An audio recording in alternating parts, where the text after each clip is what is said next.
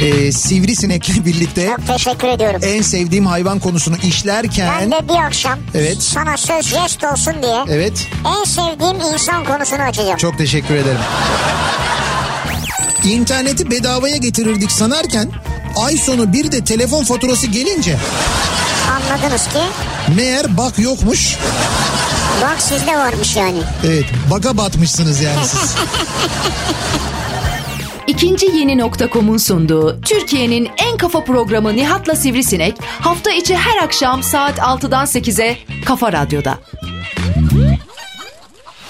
İkinci yeni nokta.com'un sunduğu Nihat'la Sivrisinek başlıyor. İkinci yeni nokta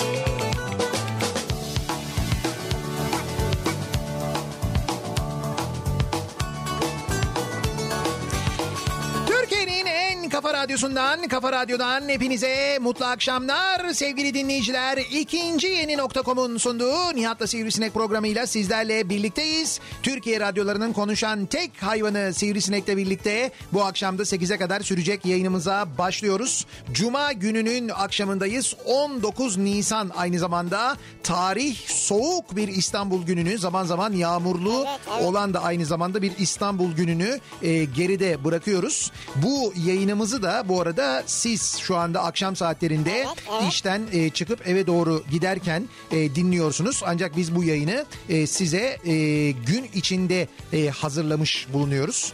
Yani Aa, şimdi bir dakika anlamadım ben. işte yani şu anda biz kaydediyoruz. Bu akşam Şu pro- anda kaydediyorsak şu Evet. an dinliyorlar bunu kaydedip yarın mı yayınlayacağız? Hayır öyle değil. Şu anda E, şu anda kaydediyoruz diyorsun. ya biz şu anda bu programı kaydediyoruz. E, şu an dinliyorlar işte. Tamam dinliyorlar. Bizim öğlen kaydettiğimiz şeyi akşam dinliyorlar yani. Bunu biz daha önce mi kaydettik yani? Ya bunun nesini anlamıyorsun ben anlamıyorum ki. Evet bunu daha önce kaydetmedik. Şu anda biz kaydediyoruz zaten. Ama sonra dinliyorlar diyorsun. Tamam işte biz şu anda kaydediyoruz. Onlar akşam dinleyecekler işte. Dinleyecekler olur mu? Dinliyorlar. Şu anda dinliyorlar evet. Ama biz akşam kaydettik bunu. Şey pardon gündüz kaydettik. Ama iyice bak iyice Ya karıştı. şöyle diyelim mi yani bu yayını sizin dinlediğiniz yayını biz 2-3 saat önce kaydettik. Evet evet aynen öyle 2-3 saat önce kaydettik. Neden? Çünkü Neden böyle bir şey yaptık? Çünkü e, tam bu yayının olduğu saatlerde bir uçuşum var benim. Yani başka Uçuşun bir, var. başka bir saatte de Pilotluğa başladın yani. Evet bir pilotluğa başladım artık eğitimlere başladım. Güzel. Yani yer eğitimlerini bitirdim artık tecrübelere başladım. E normal. Bayağı uçuyorum. Yo öyle değil canım bir yere uçuyorum işte bir yere gidiyorum ama o o gideceğim yere de sadece bu saatte uçak var. Yani böyle bazen yayın saatleriyle. Güney Afrika Cumhuriyeti mi? Güney Afrika. Söylüyordun çünkü de. Yok Güney Afrika değil canım. Ee, a- yani Afrika'ya gidiyorum. Afrika tarafına gidiyorum Afrika'ya ama gidiyorsun. Güney Afrika'ya değil Uganda tarafına gidiyorum. Uganda'sına Evet, gidiyorsun. Uganda'ya gidiyorum. Ee, o tam da bu saatlerde uçuş olduğu için o nedenle e, programı gündüzden hazırlıyoruz Sen şu şu anda. an havadasın yani ya. Ben şu an havada mıyım? Yok uçağa binmek üzereyim şu anda. Yani tam böyle 18 e, 18'de herhalde binmiş oluruz uçağa. 18.25'te çünkü kalkıyor uçak. Çok ilginç şu an senin klonunla konuşuyor gibiyim ha. Benim niye Ben klonumla şu an konuşuyor uçağa gibisin ya? binmek üzereyim diyorsun karşımdasın. Ya tamam karşındayım ama yani şu anda evet uçağa binmek üzereyim. Bak gördün mü işte o yüzden diyorum yani. Ya hayır hayır onun için sen bu, bu kayıt olayını unuttun mu? Evet Yani evet unutmuş gibisin yani sanki ilk defa kayıt yapıyormuş sanki gibisin. senelerdir yapmıyor gibiyiz. Senelerdir ama doğru bayağı zamandır da doğru kayıt yapmıyoruz yani. Evet heyecanlandım ya. Şimdi biz bu kayıtlarda ne yapıyoruz? Daha önce yaptığımız gibi yine bir şey yapacağız. Bir kere cuma akşamı olması dolayısıyla e, Murat Seymen e, bu programda bize eşlik edecek. E, konuğumuz aynı zamanda. E tabi bir teknoloji köşemiz var biliyorsunuz cuma akşamları. Tekno Seymen koyduk ismini. Tekno Seymen köşesinde Murat Seymen'le konuşacağız. Murat Seymen'le sadece Tekno Seymen köşesinde konuşmayalım istiyorum ama ben. Aynı zamanda e, birazdan gireceğimiz konularla ilgili de kendisinin zaman zaman ben fikirlerine başvuracağım. Çünkü önümde çok güzel bir kitap var. Biz Kitap var. evet ben böyle e, kitaplar getiriyorum bazen yani okuyorum da yayında da böyle bahsediyoruz. Daha önce dinleyicilerimiz hatırlayacaklardır. Tabii, tabii. Örneğin bir at sözlüğünden bahsetmiştik değil mi? At sözlüğü mü? Evet. Atların geçmişi mi yani? Evet atların ad ad Ha at sözlüğü. ad sözlüğü yani sözlüğü. işte isimlerin manalarını içeren çok güzel bir kitap vardı. Ondan sonra Türkçe argo sözlüğünü e, konuşmuştuk Evet, epey. evet. Bilmediğimiz yani tabii argo çok geniş bir kavram ama bilmediğimiz e, kimi argo sözcükleri ve onların manalarını Hulki Aktunç'un kitabından öğrenmiştik Doğru. aynı zamanda. Bugün e, beraber bakacağımız kitapsa gündelik hayatımızın tarihi. Gündelik hayatımızın tarihi. Yani nasıl bir gündelik hayat? Şöyle gündelik hayatımızda ne varsa bunların tarihinin araştırıldığı, nereden başladığını, ilk nerede yapıldığını, nereden geldiğini anlatan çok geniş ama gerçekten çok geniş kapsamlı bir kitap Kudret Emiroğlu e, tarafından yazılmış ve Türkiye e, İş Bankası Kültür Yayınlarından piyasaya çıkmış. Hatta 7. baskısını yapmış. Benim elimde en azından 7. Yani şey baskısı mi var. mesela ne bileyim akşam yemeği var mı? Ya şimdi şöyle başlıklar var. Ben sana sadece başlıkları söyleyeyim. Ee, inançlar, büyüler başlığı var mesela. Gelenekler başlığı var. Ee, takvim başlığı var. Görgü kuralları. Mutfakta diye bir bölüm var ha mesela. mutfak işte senin bölümün. Ondan sonra ev ve çevresi bölümü var. Ee, banyoda giyim kuşam, Ha, banyoda benim bölümüm. süslenme. Bence burası senin bölümün. Süslenme süslenme bölümü var. Sağlık bölümü. Sonra yeme içme var mesela. Ee, Senin bölümün. çocukluk. Ondan sonra cinsellik. Murat'ın bölümü. Ee, evet bu da Murat'ın bölümü doğru. Ee, mahallede, iş yerinde, devlet ve millet, oyun, eğlence, spor. Yine Ee, Murat'ın bölümü oyun eğlence. keyiften hobiye. Şimdi Keyiften hobi Murat. şöyle söyleyeyim 675 sayfalık bir kitaptan Ne bahsediyoruz. ya? E tabii şimdi bu kadar başlık saydım. Bu başlıkların altında öyle bilgiler var ki. Yani birazdan böyle konuşacağız işte birçoğuyla ilgili hepsinden birer örnek vereceğiz. Ama gerçekten de çok ama çok geniş kapsamlı 675 sayfalık bir kitaptan bahsediyoruz. Şimdi yolda olanlar için trafik durumu verebiliyor muyuz? Yolda olanlar için şu anda biz canlı olarak trafik durumu veremeyiz Canlı tabii. veremiyoruz. Yok veremeyiz şu anda. Ama tahminen trafik berbat yani. Yani evet. Ya şöyle söyleyeyim. Cuma akşamı trafiği bildiğiniz gibi çok evet yoğun yani falan. klasik değil mi? E tabi klasik İstanbul'da hava da kötü. Zaman Köprü, zaman böyle möprü falan. yağmur falan da oluyor. Bir de kötüdür, iki de kötüdür. Avrasya Tüneli girişi bu akşam Yedikule'ye kadar uzamıştır. Sabah nasıldı trafik? Sabah çok fenaydı. Fena Sabah mıydı? kaza vardı. Ee, bir iki tane özellikle E5'te Ha. Küçükçekmece'de bir kaza vardı. Fena da bir kazaydı. O sebeple kaza yapan araçlar zincirleme bir kazaydı. Epey uzun kaldırılamadığı için E5 böyle Beylikdüzü'ne kadar falan kilitli. Bayağı e, uzun saatler Yok açılmadı. yani akşama yansımasını sen tahmin edersin de o yüzden. O kadar akşama yansımaz yani o kazalar yansımaz ama cuma yani bildiğin cuma trafiği. Cuma, trafiği. bayağı bir yoğun olacaktır. Bu arada hafta sonu e, pazar günü de İstanbul'da Maltepe'de e, bir miting e, var. Daha doğrusu miting demeyeyim de Ekrem İmamoğlu İstanbullularla Maltepe'de buluşuyor. E, böyle bir toplantı var. Bir teşekkür mitingi gibi bir şey aslında, aslında. miting evet doğru buluşma yani. Evet evet bir buluşma olacak. Maltepe'deki bu dolgu alanında sahilde Maltepe sahilinde böyle bir toplantı böyle bir miting yapılacak. Onun da e, bilgisini vermiş olalım. Şimdi hangisiyle başlayalım? Yani ne neyle başlayalım isterseniz? Mesela birinci bölümle başlayalım mı? İnançlar büyüler diye bir başlık var. Evet. Şimdi bunun altında ben size söyleyeyim neler olduğunu. Bunların içinden bir tanesi seçin. Mu- Muratçım bu arada hoş geldin sen de ben. Muratçım Evet senin sesini duymadan başlamak da olmaz tabii. Efendim öncelikle herkese merhabalar. İşte bu ses. Biraz arttır kendi sesini bence. Evet biraz kendi, senin sesinin de yükselmesi gerekiyor. Ben şöyle başlıkları sayayım mı sana Sivri? Ee, at koymak, lakap soyadı, nazar muska, tılsımlar, at nalı, geyik boynuzu, tavşan ayağı, güvercin. Yani bunlar böyle e, işte inançlarla, Evet, evet, büyülerle doğru, ilgili doğru. şeylerdir ya. Dört yapraklı yonca, ayna kırılması, kara kedi, merdiven altından geçmek, fal, uğur böceği, yazı tura, lades, tahtaya vurmak, esnerken ağzı kapamak, çok yaşa demek hapşırmak ve boz diye böyle başlıklar var. Şimdi bunlar e, ya bunların hepsinin tarihi nereden geliyor, nereden Neden böyle neden başlamış böyle yani? başlamış, nasıl başlamış bunların hepsi yazıyor. Bunlardan birini seçin ben başlayayım mesela. Unuttum baştan sayabilir En misin? klişe olandan başlayalım. Bu hapşırdığında e, çok yaşa nereden? Evet, çok Hapşır- çok Şeref abi o. Çok apşırmak değil, hapşırmak o. Doğru oradan başlayalım. Nereden gidiyor? hapşırdığında anlık olarak hayat durur. Hayır temeli nedir yani? Nerede İşte başlamış? söylüyorum sana anlık olarak hayat durur. Evet. Sonra yaşa Yani derler. ilk- evet o yüzden çok yaşa derler yani. Peki hemen başlayalım. Hapşırmak 6. yüzyılda İtalya'da yaşanan veba salgınında hastalıkla özdeşleştirilmiş. Ee, Papa Büyük Gregorius İtalya'yı dehşete düşüren salgına karşı tedbir olarak sağlıklıların hastalar için dua etmelerini buyuran bir karar çıkarmış. Ha, şimdi anlaşıldı. Bu karara göre hapşırana Tanrı seni kutsasın denilecek. Yalnız olanlarsa Tanrım bana yardım et diye bağıracaklarmış. Hapşıranlar bu veba salgını sırasında. Katolik dünyasının önderinin bu buyruğu veba ile birlikte Avrupa'ya yayılmış. Çin'de ise aksırmak bizdeki kulak çınlaması gibi birinin aksırını kötü andığı anlamına geliyormuş. Aa. Hatta aksıran yere tükürerek iyi insanlar beni sever kötü insanlar hakkımda dedikodu yapıyorlarsa dişleri dökülsün diyormuş. Çin'de mi diyormuş bunu? E, Çin'de böyleymiş mesela. E, çocuk aksırdığında ise bin yıl yaşa denirmiş. Han döneminde aksırma ve kulak çınlaması ile ilgili kitap yazılmış olduğu kaynaklarda yer almaktaysa da böyle bir kitap günümüze ulaşmamış. Abi ne ilginçmiş bu ya. Değil mi? Ne enteresan. Hiç öyle... Yani mesela e, birincisi Katoliklerden geldiğini bilmiyordum. Evet. Yani o İkincisi Çin tarafını hiç bilmiyordum yani. Bir de eee Montaigne Aristoles'e Ar- Aristoles'i kaynak göstererek insanların üç türlü yel çıkardığını yazmış. Yer Ee, çıkarmak nedir? Eee alt yel çıkarmış. Diyor ki O üç türlü. Ya alttan, üçtür ya. Sen söyle sonra Murat'a soracağım onu. alttan çıkan pistir. Ağzımızdan çıkan oburluk belirtisidir. Üçüncüsü olan hapşırmaysa baştan geldiği ve ayıp yanı olmadığı için hoş karşılanmaktadır. Aslında doğru bak hapşırma hoş Değil karşılanır. işte bak Değil düşün, mi? evet mantıklı. Anlaşılan e, denemelerini 1570'lerde yazan Montaigne'e göre Montaigne. hapşırana sağlık dileme adeti diğer ikisi yerine üçüncü yola tanık olmanın getirdiği rahatlamadan kaynaklanıyor.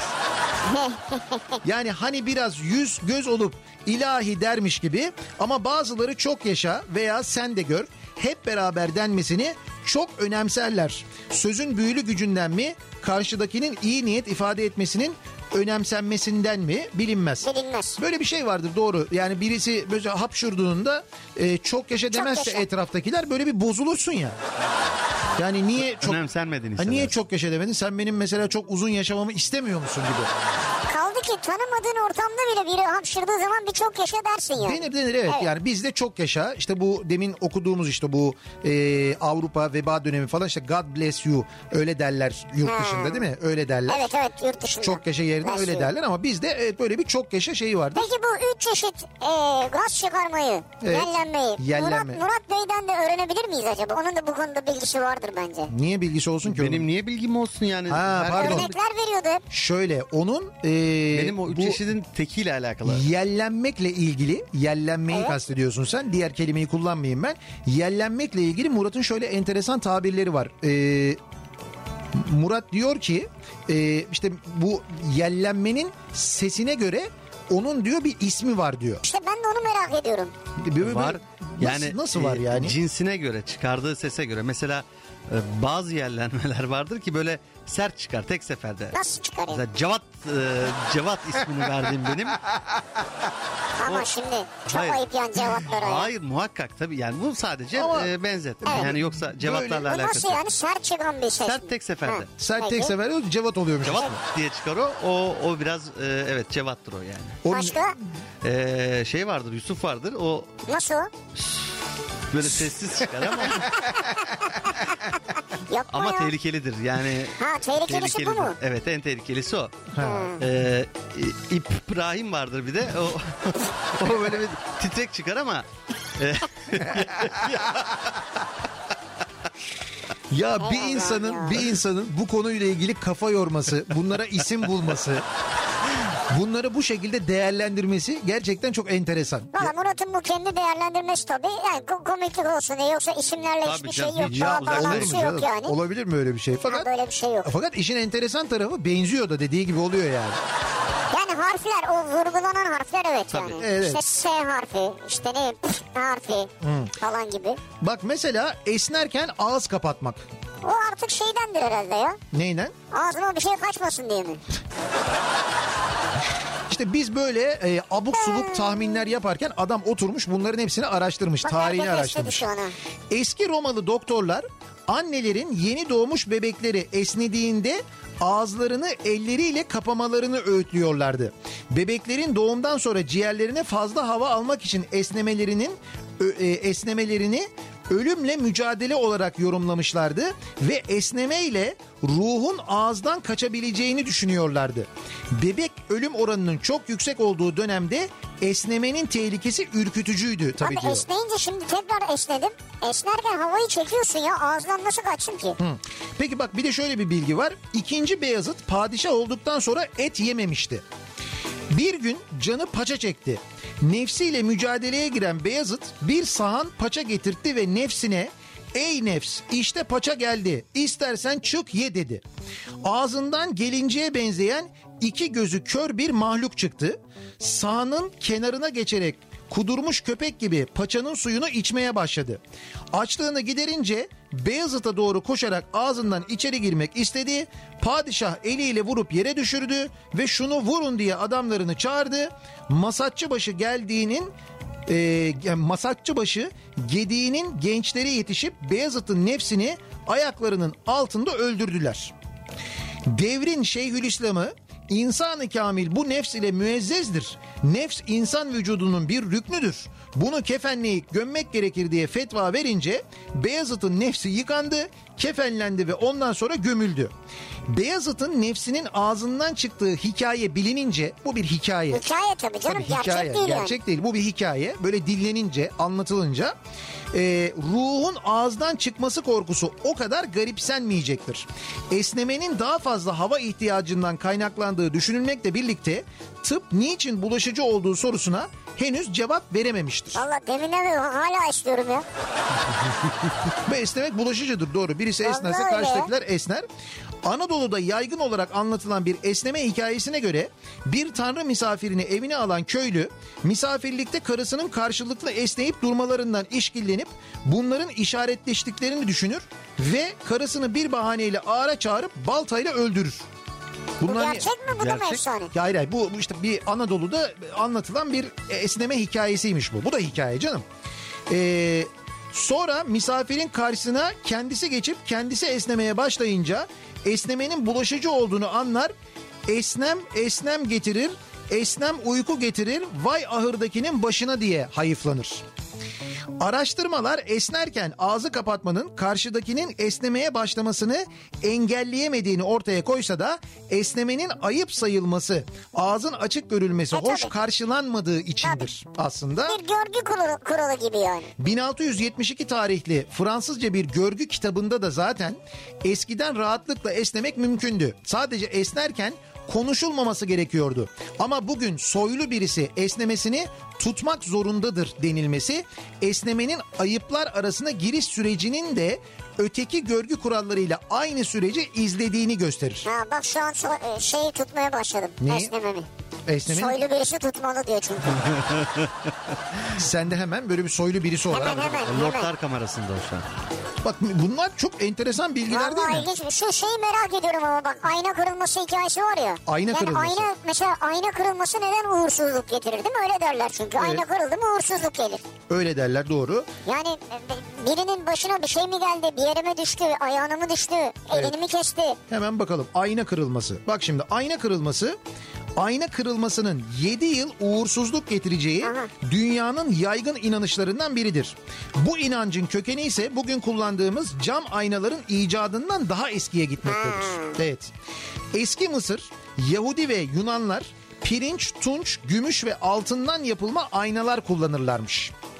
İsa'dan önce 6. yüzyılda milattan önce diyelim Evet. biz ona. Şimdi burada kitapta İÖ diye geçiyor. 6. yüzyılda Yunanlar arasında su dolu kaplardan geleceği okumak Evet. kahinlik başlamış.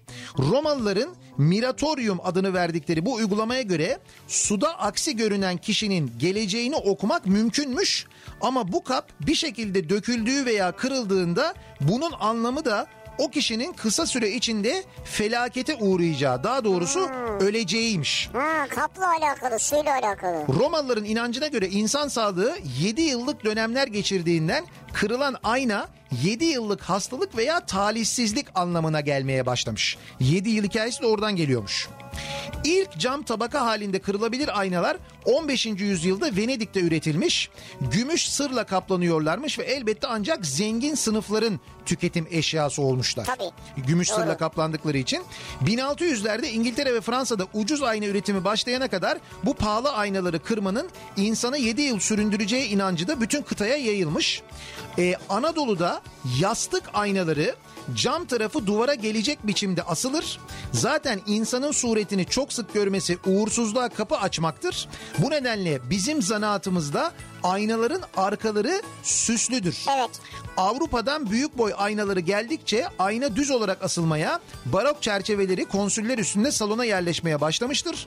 Aynanın yaşadığından kuşkulanılan bir kişinin ağzına tutularak buğulanmasına göre nefes alıp almadığı yani ölüp ölmediğinin anlaşılması için Tabii. kullanılması da onu tekinsiz yapan niteliklerinden biri olsa gerek Ya ama şöyle yani tabii e, şey kaşıkla da yaparlar bunu biliyorsun yani bakarlar hani bir buğu var mı buğulanıyor mu diye aynayla evet. da yaparlar doğru. İşte bir de aynayla da bunu yapınca doğal olarak ayna giderek böyle şey oluyor. Uğursuz bir şey, tekinsiz Ayna bir şey haline geliyor. ters asılır bunu biliyorum Evet ben. ya, o cehalet ters dönemi. asılır yani. Evet evet. O cehalet dönemi nasıl bir şeymiş ya? Cehalet dönemi değil ya ters asılır hala ters asılır. Hayır yani. ama bu e, kökenine baktığında işte e, korkuluyor, yaşadığı düşünülüyor vesaire vesaire. Yani Kimin böyle yaşadığı düşünülüyor? suya Aynanın- bakmaktan başlıyor. Sudan geleceği Ha, görmeye geliyor, bakmaktan evet, başlıyor. geliyor, evet. Oradan kaynaklanan bir durum. Dediği doğru aslında işte. Sudan bir olay yani. Yani sudan bir sudan bir olay gibi. Evet doğru aslında.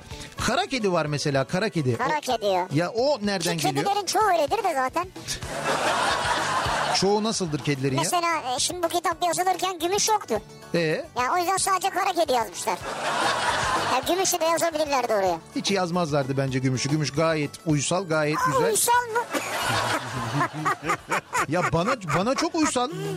Ya bana çok uysal. ya millet kolunda yarıklarla dikişlerle geziyor ya. Kedi kendini sevmeyeni anlıyor. Kimse mi sevmiyor bu kediyi ya? Sevmeyeni, ona böyle düşmanca yaklaşanı kedi anlıyor. O Ya nedenle geçen böyle yapıyor. misafir kolunu uzattı parmağın ucu yok şu an ya. Hangi misafir o ya? E misafire seveyim dedim diyor. Cart diye atladı diyor ya. Hangi kim ömürge diye mi yaptı? Ömürgedik ses Yok çıkarmaz. ömürgelik bir şey yapmaz. O bir şey yapmaz da o yüzden söylüyorum. Kedinin evcilleştirilmesi Mısır'da milattan önce 3000 yıl öncesinde başlıyor. Mısır'da. Kedinin evcilleştirilmesi. Yani kedi bir dakika ya ben anlamadım. Evcil değil miymiş yani? Ay, ta- işte yok evcil değil tabii kedi. Ya- yaban hayatı yaşayan bir hayvan. Fakat evcilleştiriliyor ilk Mısırlılar tarafından. Eski Mısır'da kedi kutsallaştırılmış, firavunlarla birlikte gömülmüş, yasalara girmiş mesela. Evet, çok önemli. Mısır'da yurt dışına kedi çıkarma yasağı konulmasına karşın kedi ile birlikte kediye gösterilen sevgi de yayılmış. Milattan önce 2000 e, yıl öncenin Hindistan'ından yine milattan önce 500'ün Çin'inden kediye verilen önemi gösteren belgeler kalmış. Konfüçyüs'ün kedi sevgisi bilindiği gibi Japonlar da e, pagodalarda kutsal metinleri korumak için kedi besliyorlarmış. Evet. Hazreti Muhammed'in cübbesinin eteğinde uyuyan kediyi uyandırmamak için eteğini kestiği hikayesini de herkes bilir. Doğru. İşte kedi bu kadar seviliyor bütün böyle uygarlıklarda, toplumlarda. Buna rağmen eski Yunanlar kediyi bilmiyorlarmış mesela. Allah Allah. Evet eski Yunanlar kediyi bilmiyorlarmış. Ee, Yunan mitolojisinde kediye dönüştürülerek e, Hekate rahibesi olan Kalentias'ın Avrupa'da kedinin özellikle de kara kedinin büyücülerle ilişkisinin kurulmasının başlangıcını oluşturduğu kabul ediliyormuş. Ha, bu olay Yunan'dan geliyor o zaman. Evet bu da Yunan'dan geliyor. Oysa mitosun orijinal biçiminde söz konusu olan hayvan kedi değil bir tür gelincik.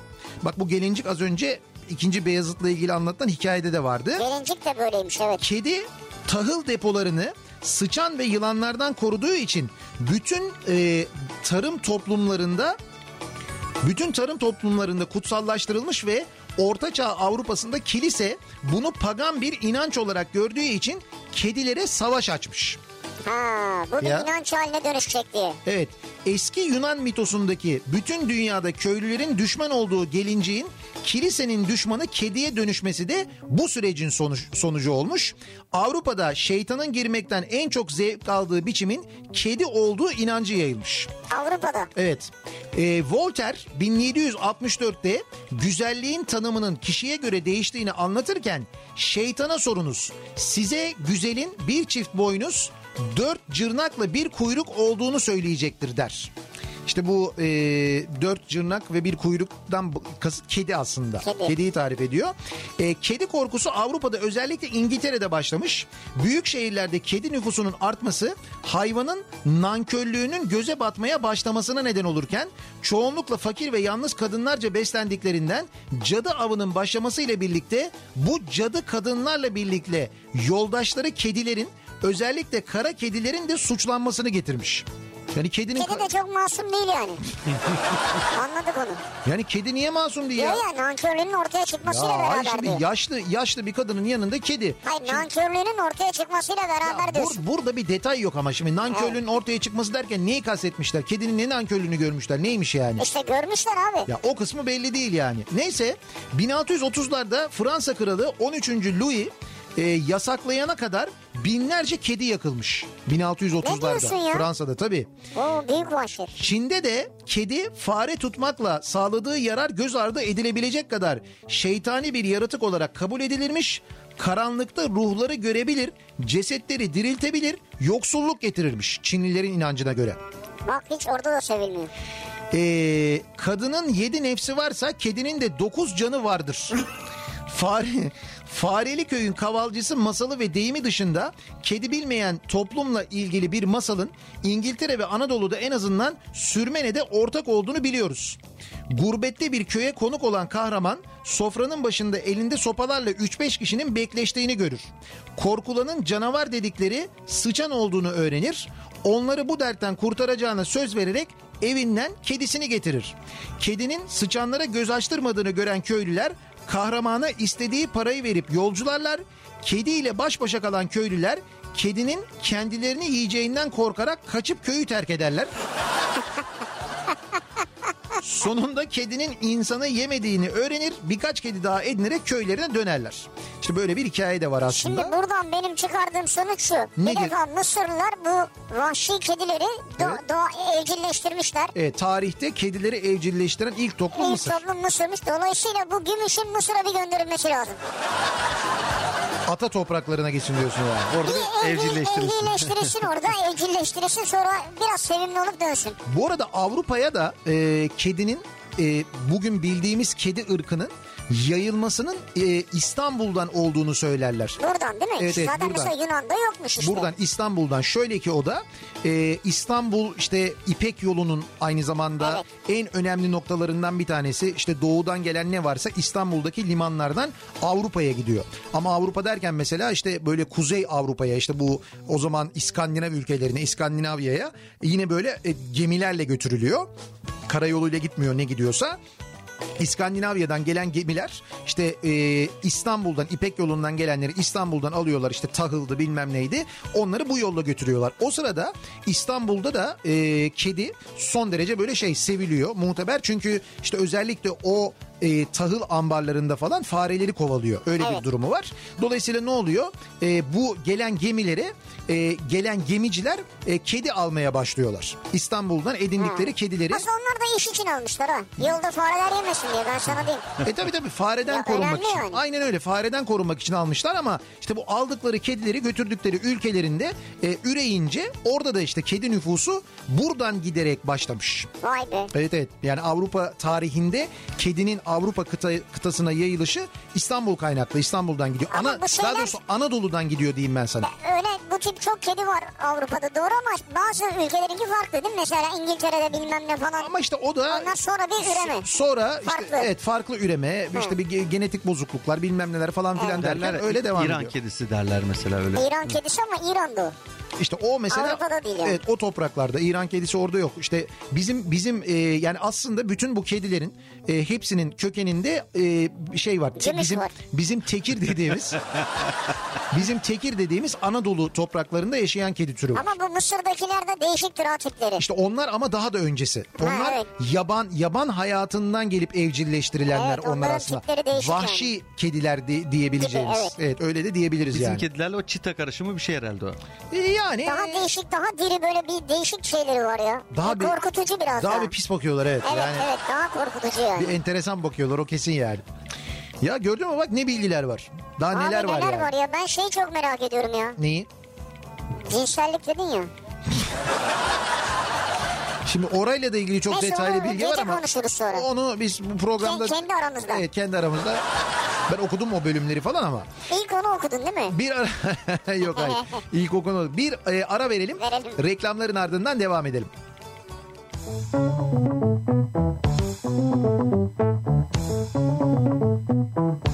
Kafa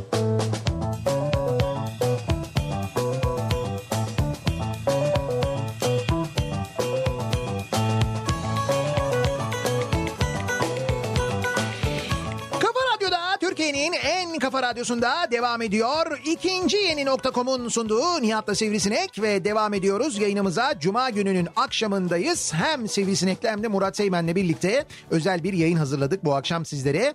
Ee, ve bir kitap üzerinden gündelik hayatımızın tarihini öğreniyoruz. Kudret Emiroğlu'nun yazdığı İş Bankası Kültür Yayınlarından çıkan gerçekten çok zengin bir kitap. Hayata dair birçok konuyla ilgili, gündelik hayatımıza dair birçok konuyla ilgili e, tarihini nereden e, başladığını, nereden kaynaklandığını araştıran bir kitap. Biz de o kitaptan bazı başlıkları dinleyicilerimize aktarıyoruz. Şimdi o ilk bölümü geçelim bence artık. Evet. Büyüler, inançlar onları geçelim. Evet onları geçtik. Gelenekler var mesela. Gelenekler bunlar önemli.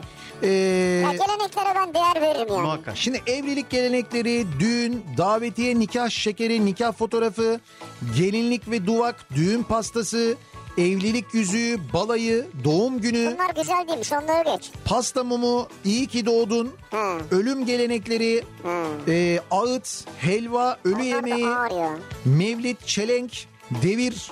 Sonra bakayım başka ne Sen var? düğünlerden bir şey yap ya. Ortaya böyle bir karışık. Mezar taşı var mesela. Yok yok. Sen bize böyle bir karışık ortaya düğünlerden böyle.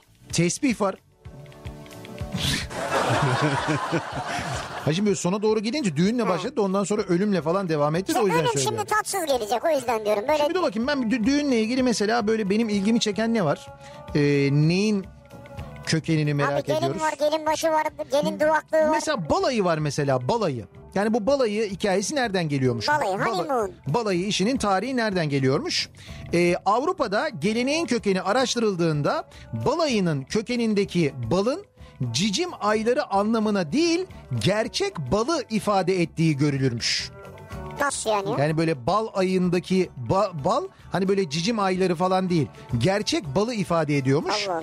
Kuzey Avrupa'da kız kaçırıldığında bir süre kızın ailesinden saklanılması gerektiği ve bu sürede saklandıkları yeri yalnızca onlara köyden yiyecek ve bal getiren delikanlının arkadaşlarının bildiği e, folklorcularca anlatılmaktadır. Allah Allah. Yeni evlilerin ilk aylarında şarapla karıştırılmış bal içme geleneği de yine Kuzey Avrupa'da yaygınmış. Hunların. Hunların Hakan Hakan'ı Atilla'nın 450 yılında 3. Valentinius'un kız kardeşi Honoria'yı kaçırdığı ve düğününde fıçılarla bu içkiden tüketildiği bilinmektedir. Ya bu kız kaçırma işleri o dönemde var mıymış ya? İşte varmış abi Hun, Hun Hakan'ı Atilla bile kız kaçırmış ya. Allah Allah neler duyuyorum ya. Atilla 3 yıl sonraki düğününde bu içkiden boğularak esrarlı biçimde ölecektir.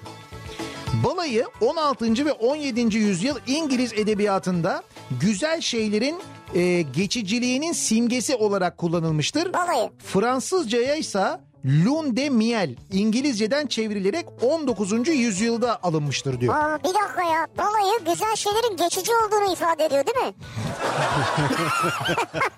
Vallahi öyleymiş. Anlamına baktığında kulağa çok hoş gelmiyor yani. Şu an evli olan dinleyicilerimiz acaba ne düşünüyor? Bilmiyorum. Ama şimdi tarihi böyle işte. Aa. Ta tarihi böyle yani. Yani insanlar aç kalmasın bal falan götürüyormuş ha. Öyleymiş. Ee, sonra düğün pastası mesela. Düğün pastası Ha, düğün geleneği. pastası. Nereden geliyormuş? İşte şeydendir o Roma'dan. Ben sana söyleyeyim. Düğünde ee, saçı neymiş? Kansız kurban adeti evrenseldir. Buğday kültüründe düğünlerde gelinin başına buğday saçmak Evet doğru. bereket simgesi olarak bugünlere kadar gelmiş bir adettir. Buğdayın düğün pastasına dönüşmesi ise uzun bir süreç almış. Ee, Romalılar Ben düğün... dedim abi bak Romalılar. Vallahi yalan, yalan yok Evet yani. evet, Evet, Romalılar. düğün, Romalı onlar. Romalılar düğünde kuru pastalarını, yiyeceklerini eski adetin devamı olarak gelinin başına atıyorlarmış. Romalı şair ve filozof Lucterius pastaların son zamanlarda damadın başına atılmaya başlandığını, sonra da damatla gelinin aynı pastanın parçalarını yemelerinin moda olduğunu yazmış. Ee, Pontifex Maximus yani Roma hukukunun toplumun devletçe tanınan tanrılarla ilişkilerini düzenleyen bölümünden sorumlu Rahipler Kurulu'nun başkanı tarafından yürütülen tören bir yanıyla Jüpiter'e ekmek sunmayı içerirken Roma soylularının evliliklerinin ilahi ve meşru yönünün tescilini de sağlıyormuş. Bu Ha. kuru pastaların atılması sonra o pastaların damat ve gelin tarafından yenilmesi. Atılan. Evet evet. Nereye? Yere atıyorlar ama. İşte atıyorlar onu alıp yiyorlarmış. Orta çağın dinsel havasında buğday saçmak tekrar yaygınlaşmış. Misafirlerin kendi pastalarını getirmeleri, düğünün artıklarının fakirlere dağıtılması gibi ağır başlı adetler yüceltilmiş o dönemde. Sonra 1600'lerde zenginlik arttıkça pasta, kek ve diğerlerinin üst üste yığılması ve yükseklik arttıkça daha çok övünülmesi dönemi başlamış. 1660'larda İngiltere Kralı 2. Charles'ın Fransız aşçısı duruma müdahale ederek bu pasta yığınının çok katlı düğün pastası halinde gelenekselleşmesini başlatan pastayı yapmış. Ha bir dakika bu ne zaman yapmışlar? Yani ilk düğün pastasını 1660'larda Yapma ya. İngiltere Kralı 2. Charles'ın Fransız aşçısı yapmış. Yani bu şey kat kat böyle büyük. Evet evet. Yani bak- böyle herkes bir pasta getiriyor. Ayrı ayrı pastalar yapılıyor. Böyle olmaz. Bir tane büyük pasta yapalım. Bir pasta olsun Hadi demiş. Bir Böyle de bir pasta O yapılmış. ilk yapılan pasta da değilmiş galiba işte kuru pastaları, buğdayları, karman çorman Ay, herhalde. önce öyleymiş. Önce Fakat sonra diyor ki evet. zenginlik arttıkça diyor herkes diyor büyük pastalar getirmeye başladı diyor. Ortalık tabii pastadan geçilmeyince pastaları koyacak yer kalmayınca demişler ki biz bunları üst üste koyalım yerden kazalım. İlk Doğru. gökdelen mantı da buradan geliyor bak. Bravo mantığa bak ya. Dikine mimari. Güzel güzel. Evet. Evet dikey mimari. Tabii dikey mimari de buradan Burada başladı. sonra orada yazmaz ama acaba şey nasıl başladı yani bu Ne? maket pasta hikayesi. Yani sadece bir dilimi Bir de kesilebiliyor o falan. bıçak kesmiyor kısım var ya. O, O bizden o. O kesin bizde başlamıştır. O Anadolu Anadolu geleneğidir o. Tabii o Roma'dan gelmiyordur. Orada kılıç var böyle şak diye kesiyor yani. Tabii ya Roma'ya geçtik işte diyor ki İngiltere ikinci kralı Charles diyor. Düşünsene şimdi İngiltere e, kralı kızını evlendiriyor mesela. Tam orada işte kesecekler şey yapıyor böyle oraya garson geliyor diyor ki kralım diyor. İşte Haşmet Mam e, kesmiyor. Kesme hop kafa gitti. Gitti. Bak kesti. Dur bakayım kesiyor mu? Evet kesti.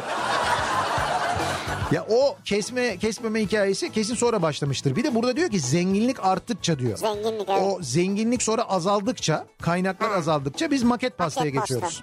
Yani pasta hep aynı geliyor. Sonra içeride böyle hazırlanan tek kişilik pastalar dağıtılıyor. Klasik. Aslında o daha mantıklı. Öyle mi? Ya bence öyle daha güzel yani. Ya bir tane simgesel bir pastanın Simgesel, kesilmesi, sonra o pastanın içeride hazırlanan pastaların Ama onda dağıtılması. çok komik görüntüler oluyor. Bazen böyle hani gelin damat birbirine yedirmeye çalışıyor. Ellerini birbirinin arasından geçirip Ya böyle o bir... saçma evet. Yani hayır yedirsinler birbirlerine de o elleri melleri falan bir yerlerden dolaştırmaya uğraşmasınlar ona gerek Gerek yok. yok. Sen ona uzat o sana uzatsın bitti işte. Evet gerek yok yani Ya bence de. aradan elimi soktum oradan bardağa geçirdim falan. Fakat yine de bir şey söyleyeyim mi sana bak bu kadar pasta yiyoruz bir yerlerde böyle getiriyorlar. Dinleyicilerimiz bazen yapıyorlar. Ne kadar lezzetli pastalar güzel yapıyorlar. pastalar geliyor. Acayip pastalar geliyor. Fakat o ben çocukken düğün salonuna gittiğimde gelen pasta var ya. o pastanın böyle çikolatası az, hamuru fazla hali vardır Evet, böyle. keki fazla. Heh, keki fazla, Evet doğru. çikolatası son derece Denk azdır. düşüremezsin yani onunla onu. Evet mümkün değil ama o kekin tadı keki de geçtim o yanında gelen böyle Meyve sürahiyle gelen limonata, Limonata, hocam evet. limonata ya sürahiyle limonataları bırakırlar limonata vardır pasta vardır pastanın yanında bir tane bayat galeta böyle bir tek bir tane bir tane de bayat kuru pasta Evet. bunların tadı bak hala hiçbir şeyde yok Ama limon çok değişti ya. Limonata değil mi? Evet yani limon değişti çünkü. O Limonun zaman- tadı değişti. O zaman çok lezzetliydi evet o limonata kabuğu ya. mabuğu falan çok değişti Yok, yani. yok. Şimdi zaten karışımlarla böyle hani önceden hazırlanmış karışımlarla falan yapılıyor. Öyle değil. Has limonata olacak. Böyle gerçekten limon kabuğundan falan yapılacak. Evet kabukla yapılacak o zaman yani. çok güzel oluyor. Onu ben bir gün denedim yalnız bir maliyetli oluyor. Niye? Kabuğu maliyetli mi? Çok limon gidiyor. Ha çok limon. E tabii. İnce ince rendeliyor sadece dışını. Tabii Evet. ince ince rendeleyeceksin. O bayağı bir şey yapıyor. Sonra üstüne, üzerine çıkacaksın ayaklarınla böyle tepineceksin. Üzüm eziyor gibi. O değildi ha üzüm de o ya. o, o başka bir şeydi yani. Şimdi bak başka bir bölüme geçiyorum. Takvim bölümü var mesela. Takvim. Ya burada da eee, şimdi bazı mesela işte yılbaşı nereden geliyor? Ondan sonra yılbaşı ağacı mesela nereden geliyor? Bunu Sunay abi anlatmıştı galiba. Evet, eee, Evet. tebrik kartı, işte Noel Baba, ondan sonra Nevruz, bak mesela Nevruz var, Hıdrellez Ha. var mesela, Muharrem, ondan sonra bu ta- takvime dair 1 Mayıs, 1 Nisan, bunların nereden? Babalar günü, sevgililer günü, anneler günü. Şimdi bize en yakın olan anneler günü değil mi? Tarih olarak evet. Tarih olarak anneler günü bize en Ee, yakın şey, olan. 1 Mayıs'ta öyle. Ha, ondan önce de 1 Mayıs var evet. Evet. doğru. Anneler günü de yakın. Hangisinin tarihine bakalım? İşte yakın olan birine bakalım ya. Birine bakalım. İşte anneler gününe bakalım mı mesela? Bakalım. Ee, Batı Virginia'lı öğretmen Anna Jarvis Ha dokuz- anla ya o yüzden oradan geliyor anlalar günü. Annalar günü değil. 9 Mayıs 1905'te annesini kaybetmiş. 1907 yılında annesinin ölüm yıl dönümünde evine çağırdığı arkadaşlarına her yıl Anneler Günü adı altında ülke çapında kutlama yapılması önerisinde bulunmuş. Amerika'nın önde gelen kumaş tüccarlarından John Wanamaker'ın mali desteğiyle çalışmalara başlanmış. 1908 baharında Anna annesinin 20 yıl din dersi verdiği Grafton'daki Andrews Metodist Pazar Okulu'na önerisini kabul ettirmiş ve 10 Mayıs 1908'de ilk anneler günü 400 çi- 407 çocuk ve annelerinin katılımıyla kutlanmış. Anna vaazdan sonra bütün anne ve çocuklara karanfil dağıtmış. Kendisinin çünkü annesi en çok bu çiçeği seviyormuş. Öneri çok çabuk benimsenmiş. Temsilciler Meclisi bu yönde bir kararı kabul etmiş. Ettiyse de Babalar günü, kaynanalar günü, dayılar günü de gerektireceği itirazıyla senatoda takılmış. Senat, Ha. senato, senatodakiler, buna mı takılmış evet, yani? senato demiş şimdi dayılar da dayılar günü isteyecekler falan diye. Ee, Anna Jarvis başlattığı kişisel mektup kampanyası ile ülkenin bütün önde gelen siyasetçileri, belediyeleri, iş adamları, basın kurumlarına ve önemli bulduğu herkese çağrıda bulunmuş. Ülkede Anneler Günü kutlamalarının yaygınlaşması sonucu Senato'nun başkanı Woodrow Wilson'ın da onaylamasıyla 8 Mayıs 1914'te Mayıs'ın ikinci pazarı Anneler Günü olarak kabul edilmiş. Ha yani şey bu 1908'de aslında başlıyor ama Evet. sonra 1914'te mi kabul 14'te ediliyor? kabul ediliyor. Anna Jarvis anneler gününü ticarileştirdikleri gerekçesiyle davalar açıp kaybetmiş. Kötü biten bir aşk hikayesinden sonra evlenmemeye karar veren kadın kör kız kardeşini, aile evini ve sağlığını kaybettikten sonra 1944'te devlet yardımına muhtaç hale gelmiş. Son yıllarında arkadaşların topladığı yardımlarla yaşayarak 1948'de 84 yaşında bir özel senator- senatoryumda hayatını kaybetmiş. Türkiye'de ise ilk anneler günü Kadınlar Derneği aracılığıyla 1955 yılında kutlanmış. Vay. İlk defa Türkiye'de. Üzerinden bayağı sene geçmiş yani. Evet ve yılın annesi seçilmeye başlanmış. Kitle iletişim araçları geliştikçe önce gazeteler sonra televizyon yoluyla anneler günü öğretilmiş. İlkokullarda çocuklara anneleri için resim ve el işi derslerinde armağanlar yaptırılmış. Hizmet sektörü, vitrinler, reklamlar e, ve utandırma kampanyasıyla anneler günü diğer günlerden daha da çabuk sahiplenilmiş. Şimdi bu şeyi merak ettim ben baktım 10 Mayıs 1908 ilk başlamış ya Evet. Anna. Ee, 10 Mayıs 1908 pazar gününe denk geliyor. Yani o da pazar günü başlamış. Evet sonra Mayıs ayının ikinci pazarı diye kabul Evet, edilmiş. bundan 111 sene önce başlamış. Şimdi 1908 ya. Evet. 1908'den çıkar biri. 1909. 19, 1908'den çıkar biri. 1907. 1907. Güzel. Mazinde bir tarih yatar. Bak buradan da buraya bağlayabiliriz yani. Evet Fenerbahçe anneler gününden önce kurulmuş. Ya düşünebiliyor musun? Ya.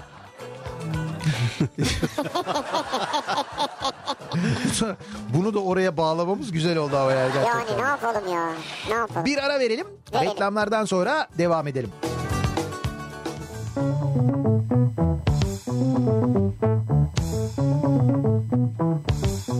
Thank you.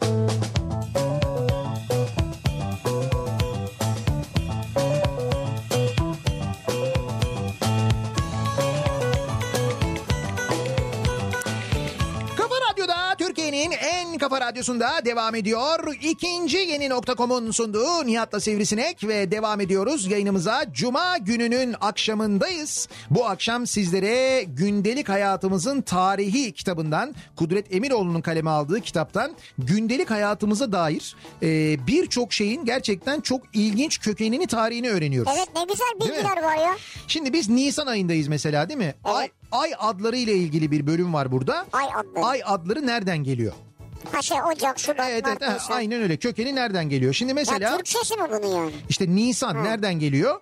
Nisan Babil Süryani takviminden Rumi takvimde Nisan, Latince Aprilis, Apriker yani güneşlenmek, güneşte ısınmak sözcüğünden geliyormuş. Nisan. Evet Şey, Nisan. April. Evet oradan geliyormuş. Hı, vay be. Ya, bak- Ama Nisan nereden geliyor bize yani? Nisan adı. Yani April değil yani. April değil Nisan nasıl Nisan Ha, nasıl Nisan dönmüş onu bilmiyoruz. April böyle gelmiş Evet. yani. Ama burada yakın şey var. O var mı mesela Mart? Yani ya Mart, çünkü. hani. Mart da var. Mart March yani. Ee, Abdaru Süryanice Adar. Rumi takvimde de Mart diye geçiyor. Evet. Rumi takvimde Mart diye yazıyor. Latince'de Martius. Martius. Savaş tanrısı Mars'ın adından geliyormuş. Allah Allah. Evet evet Mart buradan geliyormuş mesela. Savaş tanrısı Mars. Evet Mayıs'ı söyleyeyim mi? Söyle. Babil Süryani takviminde Ayru diye geçiyormuş Mayıs ayı. Ayru. Rumi takvimde Mayıs, Latince'de Mayus. Mayma Mercurius'un annesi. Bitkileri büyüten ay diye de bilinirmiş. Ha, yani Ya. baharla alakalı bir isim herhalde değil mi? İşte yani bit- bitkilerin bitkileri büyüdüğü. büyüten ay manasına geliyormuş. Çok ilginç. Murat senin doğum günün ne zaman? Doğum Niye günüm... düşünüyorsun? Eylül Hayır, hayır. değil mi ya? Eylül, Eylül, E 10 Eylül. söylesene. 10 Eylül. Ha 10 Eylül. 10 Eylül bir Hani düşündü no- ama evet. Nokta atışı mı gideceğiz? Ha nokta atışı değil. Eylül'e bakalım dedim Eylül'e yani. bakalım. Ee, Babil takviminde Ulul diye geçiyormuş Eylül. Süryanice'de Eylül diye geçiyor.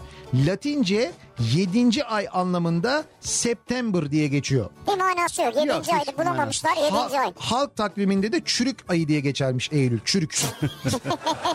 Ya Murat'a bakmayalım. Nihat'a bakalım Ekim. Ekim'e bak olur. olursa Ekim e, Rumi takvimde Teşrini Evvel diye geçiyor.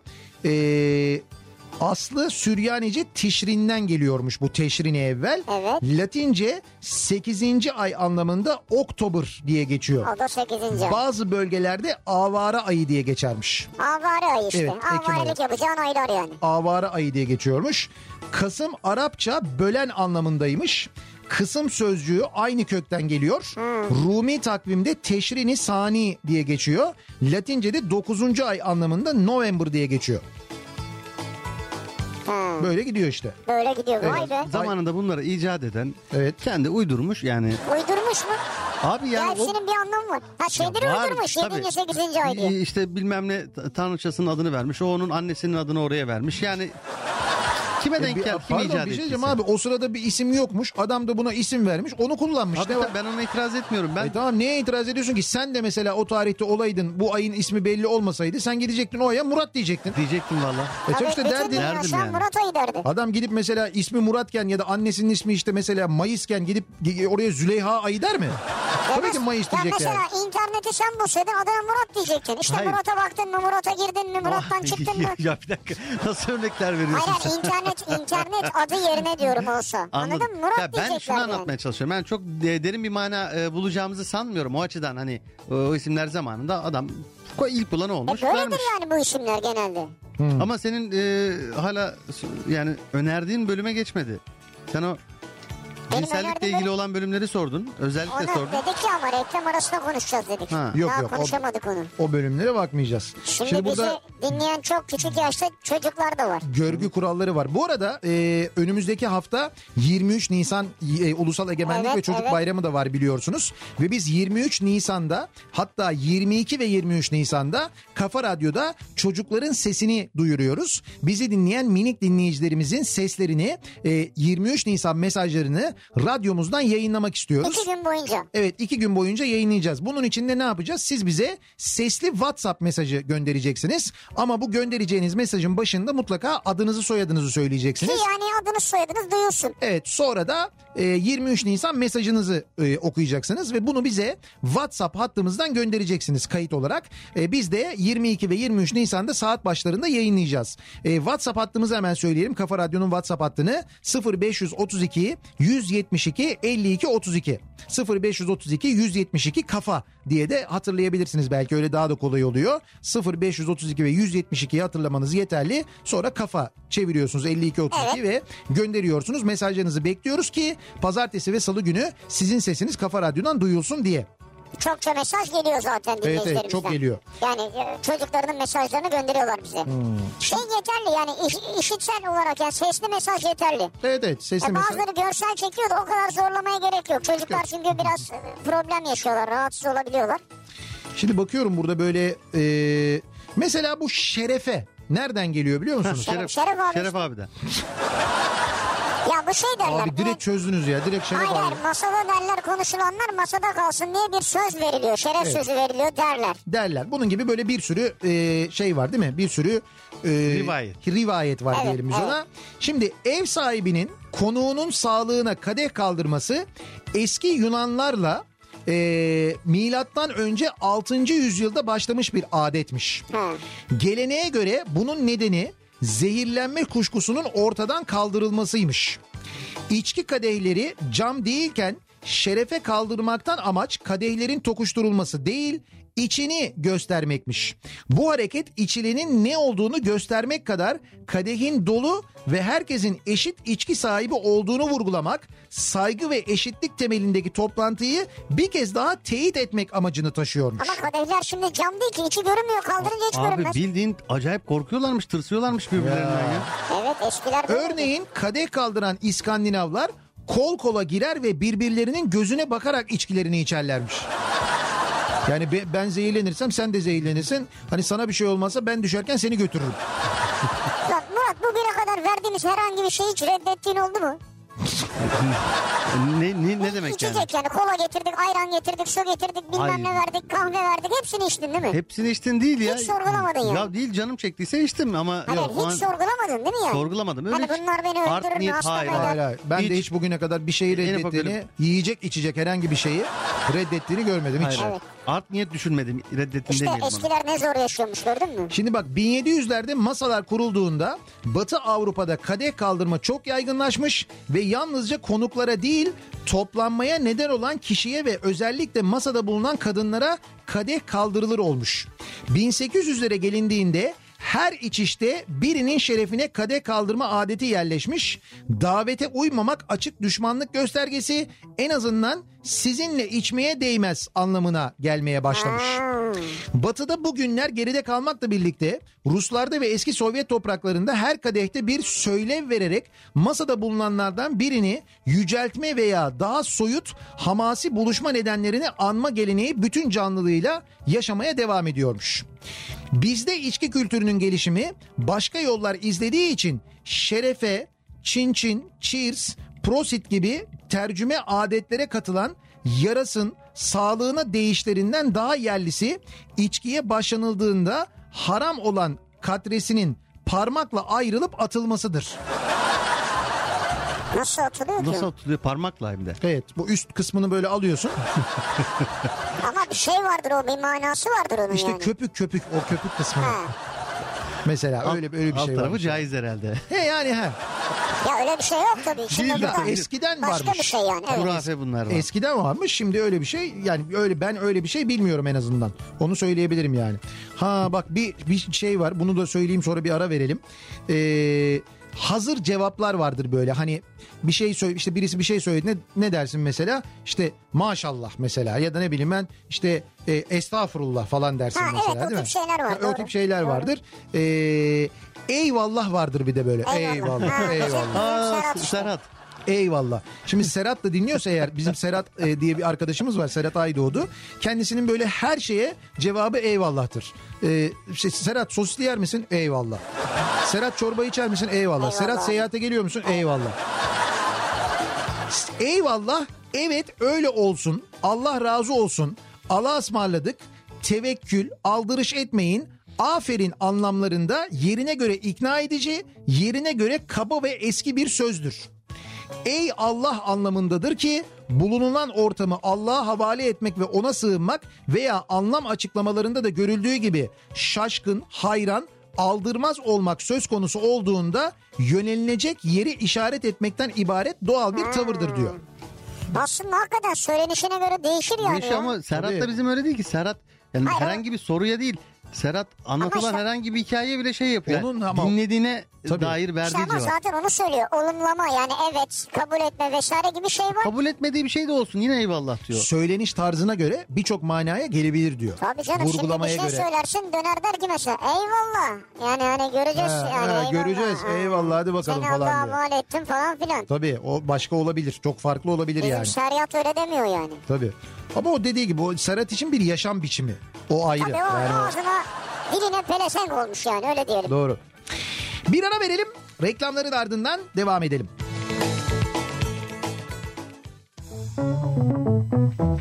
Kafa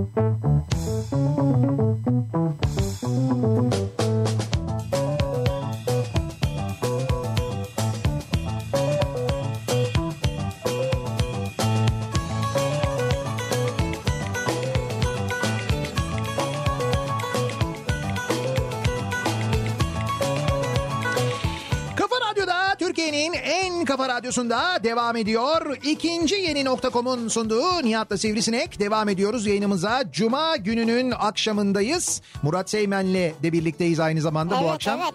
Sivrisinek'le beraber ve e, beraber gündelik hayatımızın tarihine şöyle bir göz atıyoruz. Kudret Emiroğlu'nun kitabından e, gündelik hayata dair, gündelik hayatta kullandıklarımıza, sözcüklerden tutun da eşyalara kadar, kimi adetlere kadar birçok şeyin tarihini birlikte öğreniyoruz aslında. İlginç bilgiler var ya. Evet evet çok enteresan bilgiler var. Şimdi bu bilgilere yeniden dönmeden önce bir kere hatırlatalım. Bu akşam bizim yayınımızın hemen ardından Sinan Tuzcu Kafa Sesi programında sizlerle birlikte olacak. Malum Cuma akşamı. Ee, bunun yanında önümüzdeki hafta e, biz... Sinan'ın yanında mı? e, yok hayır bunun yanında. Yani bunun... Bu, bu konunun yanında. Ha, bu konunun yanında. Bu konunun yanında. Önümüzdeki hafta e, biz Eskişehir'e geliyoruz. Aa Eskişehir'e gidiyoruz ne Evet, güzel. önümüzdeki hafta Eskişehir'e geliyoruz. Neden Eskişehir'e geliyoruz? Bir kere Anadolu Üniversitesi'nde bir e, panele katılacağız. E, hem ben hem işte radyomuzdan Zeki Kayan, Coşkun, Güçlü Mete böyle bir söyleşiye katılacağız öncelikle. Ben katılmayacağım mı? Anadolu Üniversitesi Ben öğren. nereye katılacağım? Sen yayına katıl. E, Yayına mı katılayım? Sonra mesela Porsuk Çayı etrafındaki kafelerden birinde otururken bize oradaki muhabbete katıl. Vay be. Ha istiyorsan söyleşiye de katıl tabii. Eğer gelmek istiyorsan gel. Yok yok artık gelmem ben ya. Ben giderim tostumu yerim sizi Ya beklerim. bir şey söyleyeceğim. Ben senin gelmeyeceğini bildiğim için zaten. Tostumu yerim sizi beklerim ya. Sen Sen, gel. de tostunu ye gel. Önümüzdeki hafta dolayısıyla Eskişehir'deyiz. Bir Eskişehir'den de yayın yapacağız bu arada. Ee, bu söyleşileri bitirdikten sonra e, yanlış hatırlamıyorsam Perşembe akşamı yayınımızı Eskişehir'den yapıyoruz değil mi? Perşembe akşamı Eskişehir'den Eskişehir'de Es Park'ın Evet, önünden evet, yayınımızı evet. gerçekleştireceğiz doğru. Sonra e, cumartesi günü de haftaya cumartesi günü de İstanbul'da bir 90'lar partisi yapıyoruz. Evet. Evet 27 İstanbul'da Nisan'da. Evet 27 Nisan'da İstanbul'da Maslak'ta Unique İstanbul'da e, bir 90'lar gecesi yapıyoruz. İstanbul'daysanız eğer o tarihte e, bekleriz. Çok da eğlenceli çok da keyifli geçeceğini düşünüyorum ben. Geçen sefer çok eğlenmiştik çünkü. Evet. Epey de kalabalık olmuştu. E, bu sefer de herhalde böyle eğlenceli güzel olacaktır diye düşünüyorum. E, haftaya cumartesi günü de Maslak Unique İstanbul'a bekliyoruz Böyle plan dinleyicilerimizi. yapıyor musun yani? İlk şarkın belli mi mesela? Yani ilk şunu açtın mı tamamdır bu iş Bence falan. vardır. Vardır. Ee, ben arada playlistlerine bakıyorum onun. Bir numara hep budur yani falan. Yani bir numara derken benim bir giriş şarkım var. Var. Yani o giriş şarkımla giriyorum zaten Kendi ama- şarkın mı? Kendi şarkım evet benim seslendirdim. Sözü müziği bana ait. Ee, Ya öyle olmasa bile ona sana bir düzenleme yapabiliriz aslında ya. ha, ya bu böyle bir Stüdyoda. istek var. Bu radyoda benim çok sık çaldığım hatta zaman zaman böyle eşlik ettiğim gayet amatörce şarkıları diyorlar ki onları bir sen söylesen ya. Yani sadece sen söylesen falan ama benim değil mi niyetim o değil. Yani öyle bir niyetim de yok zaten öyle bir hedefim de yok ama ben o şarkılara eşlik etmeyi seviyorum. Eşlik ederken eğleniyorum ben bazı şarkılara. E tamam artık yani şöyle düşün. Düet, düet şarkılar yapılıyor yani. insanlar ölmüş onlarla düet yapanlar var. Ölmüş insanlarla düet yap öyle bir şey mi yapayım ben Hayır, yani? öyle bir şey yapma. Yani ölmüşle ölmemiş o ayrı bir Ya şey yani. Allah Sanatçılarla düetler yapanlar var diyorum Tamam yani. olur Ümit E ve, sen de bir Ümit ve senle düet yapayım ben mesela. Olur çok güzel olur. Mesela sağlığına tabii Ben- Allah uzun ömür versin Hani yap böyle tabii. benim profesyonel bu işi yapmıyorum. Sesim şöyle falan hiç gerek yok. Artık teknolojiyle her şey yapılıyor. Yani Sen burada aa desen biz ona şarkı tabii yaparız tabii. ya. Uydururuz ona. Şimdi bir şey diyeceğim o kadar da teknolojik müdahaleye Var, var. ihtiyacı olan bir ses değil benimkisi. Ha, ha estağfurullah. Ve O kadar da kötü değil yani. Estağfurullah Allah. ama biz düzeltiriz yani. Tamam o ayrı ama mesela Ümit Besen'le olabilir. Ümit Besen'le düet yaparım ben. Severim ya. Canikos'u şarkısını e, işte sigarası yaldızı diye geçer o şarkı. O şarkıyı mesela onunla birlikte söylemek istedim. Yeni bir düzenlemeyle daha böyle eğlenceli. Ben bir iletişim kurayım Ümit abiyle. Onu da davet edelim. Siz Burada tanıyor musunuz ya? ben bir yerde bir tanışmışlığım olmuştu. Ben Ya tanımıyorum. ne yok. resim çektirmişsindir tanışmıştın derken. Ya tanıştık bir ortamda resim çektirmiş. Ben kiminle resim çektirmişim? Niye, niye konuya böyle giriyorsun? Tanıştık adamla bir yerde geldi denk geldi tanış. Ha, hatırlar mı hatırlamaz mı? Ben- Nereden hatırlayacağım? Ama iletişim kurabilirim. Ee, davet edelim bir gün gerçekten burada bir kayıt. Davet edelim. Benim tanışmışlığım yok. Bir de şey var. e, bu neydi şarkı var ya sola doğru. Bora Duran ha. Geliyorum sana doğru var ya. Murat çok iyi tanır kendisini. Onunla da tanışmışlığım var mı? Bak inanmayacaksın onunla da tanışmış. Ya Beni var- böyle Zafer abi pozisyonuna düşürmeyin ya. Var tanışmıştım. Hayır var. Abi Zafer abi pozisyonu ne demek Ya, ya? Düşünmeyin hayır, ne demek? Zafer abi pozisyonuna çıkman lazım senin. Söylediğim e, her şeye böyle bir muhalif inanmaz bir durum falan öyle bir durum. Geçen hatta Maçka, Parkı'nın, Maçka Parkı'nın karşısındaki markette karşılaştık e, Bora'yla. Evet. E, bir merhabalaştık baba ne haber falan böyle. Baba ne haber? Baba ne haber? O seviyedesin. Samimisiniz yani. Ya merhabalaştık bizim daha önceden radyodayken radyoya gelmişliği gitmişliği orada tanışıklığımız vesaire. Oo, Muhabbetiniz evet. var yani. Evet, yani oluyor. Ümit ve senle markette karşılaşsak Hayır. böyle olmaz değil mi? böyle olmaz. evet. Ha olmaz. Siz Maçka Parkı'nın oradaki marketten mi alışveriş yapıyorsunuz? Ya sen sen ne ne, ne ya. yapmaya çalışıyorsun abi? Güzel bir dünya. E Murat Nişantaşı'nda oturuyor ya. Evet, o yüzden evet, güzel bir dünyaymış alışverişini yani. de oradan Doğru. yapıyor gayet normal. O alt, alt katında Bora Duran oturuyor. Üst katında Ümit Besen oturuyor. Güzel bir dünya yani. Şimdi bak e, bu kitaba dönersek eğer e, düdüklü tencere yazıyor burada. Düdüklü tencere. Düdüklü tencere. Ya düdüklü tencerenin tarihi yazıyor mesela. Bir tane tencere patlamıştır. Demişlerdir ki bu gaz çıkarsın. Bu kadar mı yani? Bu mu He. yani?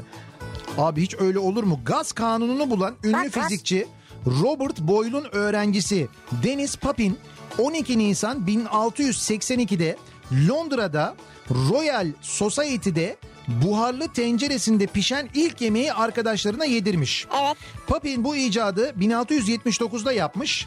Yemeğin lezzetinden hoşlanan dernek üyesi Christopher Wren en sert malzemeyi bile yumuşacık yapan bu buharlı sindirici adlı tencere için bir broşür hazırlamış. Evet. Broşür çok ilgi görmüş ve av hayvanları, e, fasulye vesaire pişirmek isteyen Londralıların evlerinde birçok buharlı sindirici e, patlamış.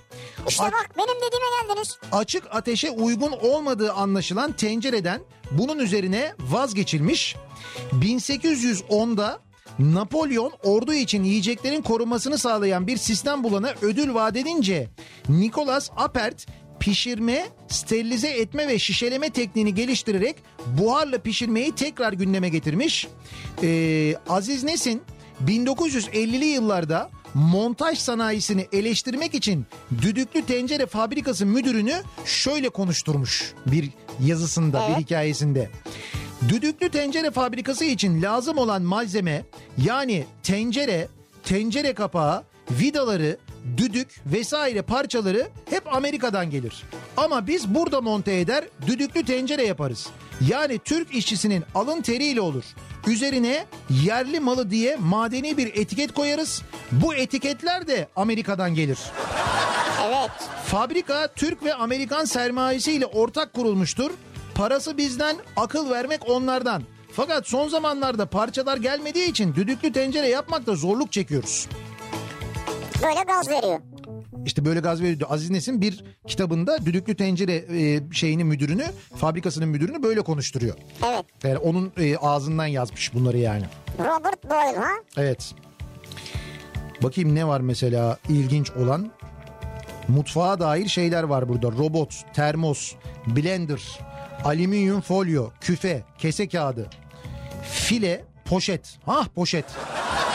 Poşet mi? Dur poşet çok önemli. Bizim kırmızı çizgimiz poşet. Evet. Tarihini hepimizin bilmesi lazım. Poşet hakikaten bakalım ya. Tabii tabii poşetin tarihini bilelim. Plastik devri başladıktan sonra her türlü alışverişte dükkanların poşet vermesi olağanlaştı.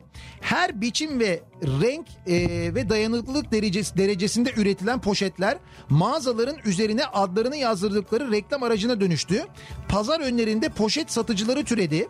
Fransızca push yani kese torba sözcüğünden üretip e, türetilen ve küçültme ekiyle küçük torba anlamına gelen sözcük İngilizce pocket yani cep sözcüğüyle akrabadır. Pocket ha. Doğada eriyip toprağa karışması çok uzun zaman isteyen plastik poşetlerin her yere saçılıp oluşturduğu çevre kirliliği dikkat çekmeye başlarken belediyelerin yeni çöp kültürünün yarattığı pisliğe karşı ürettikleri çare çöplerin çöp poşetine konması olmuştur. Vallahi doğru ya. Yanlış bir tespit mi? Bence çok, Çok doğru, doğru bir tespit, tespit yani. yani. Neyse en azından bu poşetlerin ücretli olması poşet kullanımını epey bir azalttı. Bu kısmı önemli. Bayağı azalttı evet. Evet evet bayağı azalttı. Bu kısmı önemli. Artık insanlar daha böyle bir tedbirli davranıyorlar Ya bu bu konuyla poşet alakalı. yani Fransızlardan mı geliyormuş? Ya isim Neticede. orada, isim oradan geliyormuş. Ama ilk kim yapmış, ne olmuş o bilinmiyor tabii. Ya öyle bir öyle bir bilgi yok. Poşet, poşet. Kalorifer, gaz lambası, bak böyle bilgiler var. Elektrik, fener, pencere ve pencere camı. Ondan sonra vasistas. Ha? Ha, vasistasa girelim abi. Hocam vasistas ya. Dur bu vasistasın tarihini öğrenmeye İşte hazır mıyız? vasistas bu nedir ya oradan geliyor. Şimdi bakalım. Almanca was ist das? Yani bu nedir soru cümlesinin pencere kapı üzerinde bulunan açılır kapanır kanada ad olması tuhaf. Evet. Fransızcası da aynı ve bu dile oldukça erken bir tarihte 1776'da girmiş. Baksana ya. 1776. Vasistas sözcüğüyle ilgili birçok hikaye vardır. En basiti bir yapı fuarında ilk kez sergilendiğinde sorulan sorunun at olarak kalması. Evet öyledir yani. Yani bir Alman geliyor. ilk bir Alman görüyor onu mesela. Vasistas diyor. ismi Vasistas kalıyor. Demek ki orada bir Türk görse buradan dese ismi buradan kalacak. bu ne lan aç? Bu ne lan kapa? Değil mi öyle? ya öyle diyor. Yapı fuarında biri gelmiş sormuş. ismi öyle kalmış. Ama So- orada lan eki yok yani. Bu ne? la. Hayır şimdi Alman ne? Alman Alman vasistas diyor, bu Alman ne? vasistas diye sormuş. Bizden biri gitse sorsa bu ne lan diye soracak. Öyle olacak yani. Şimdi diyor ki ikinci bir şeyde varmış. ikinci bir teoride var. Alman asıllı bir Fransa impari, imparatoriçesinin ilk kez gördüğünde bu soruyu sormasından sonra pencerenin onun yanında bu adla anıldığı ve ad olarak yerleştiği. Üçüncü rivayetse hikayeyi Marie Antoinette'e bağlıyor. 16. Louis'nin karısı hem Alman asıllıdır hem de 1793'te giyotinle idam edilmiştir. İlk kez 1792'de kullanılan giyotinin konuyla ilgisi şurada. Terör döneminde giyotinin penceresine de vasistas denilmiştir ve başını vasistas etmek deyimi çıkmıştır. Marie Antoinette'in Fransa devrimi sürecinde iktidarını korumak için kardeşi Kutsal Roma Germen İmparatoru ile ve Avusturyalılarla anlaşmaya çalışması anımsanırsa giyotinle Almanca bu nedir sorusunun halkın kara mizahında özdeşleştirilmiş olduğu düşünülebilir. Bu varsayımı sözcüğün Fransızca'da ilk kez 1776'da kayıtlara geçmesi çürütse de yine de böyle bir adın Türkçe'ye girecek kadar dirençli çıkmasının ardındaki mantığa ve olayların sonradan birleştirilmiş olması ihtimaline uygun düşmektedir. Türkiye'de düşey sürme pencereye de giyotin pencere denir.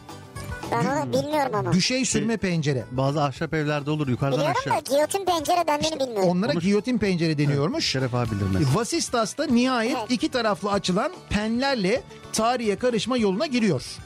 Yani artık böyle hani böyle açılmak değil de şöyle açılmayla Evet vasistas... ama artık o sistem şey oldu biliyorsun. Yani mesela camlar vasistas açılıyor bir de normal açılıyor. Evet yani böyle pek kaybolacak gibi durmuyor. Yok çünkü iki türlü kullanım daha kullanışlı geliyor. Evet.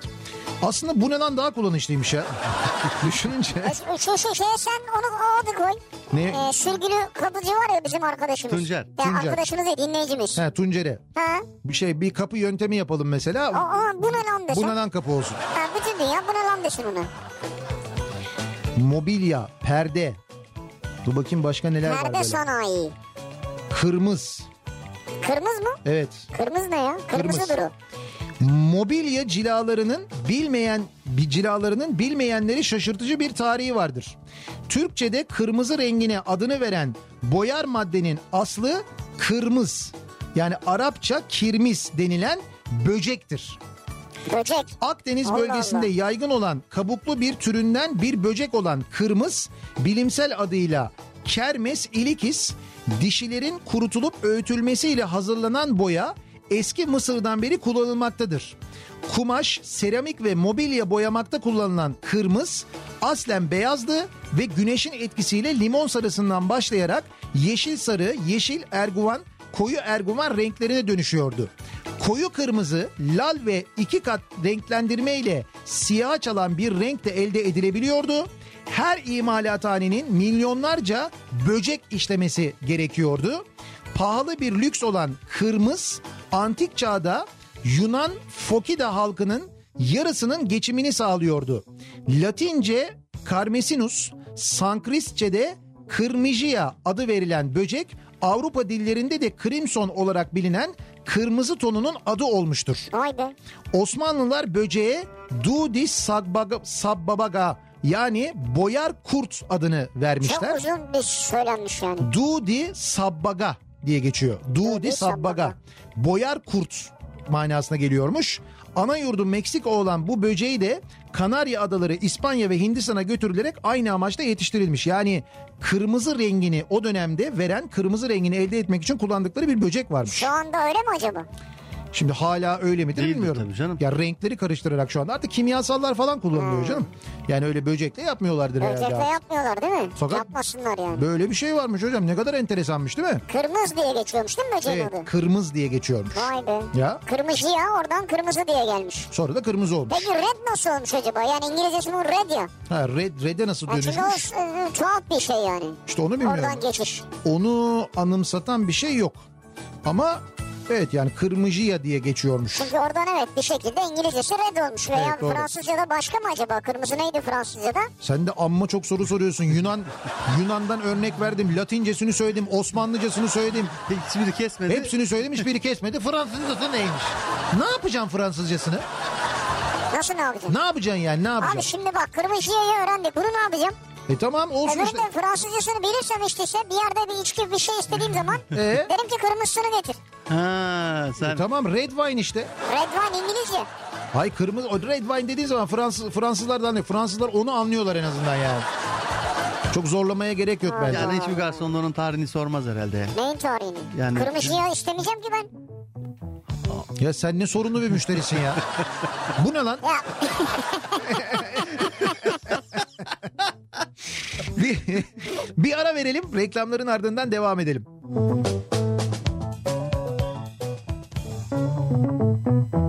Kafa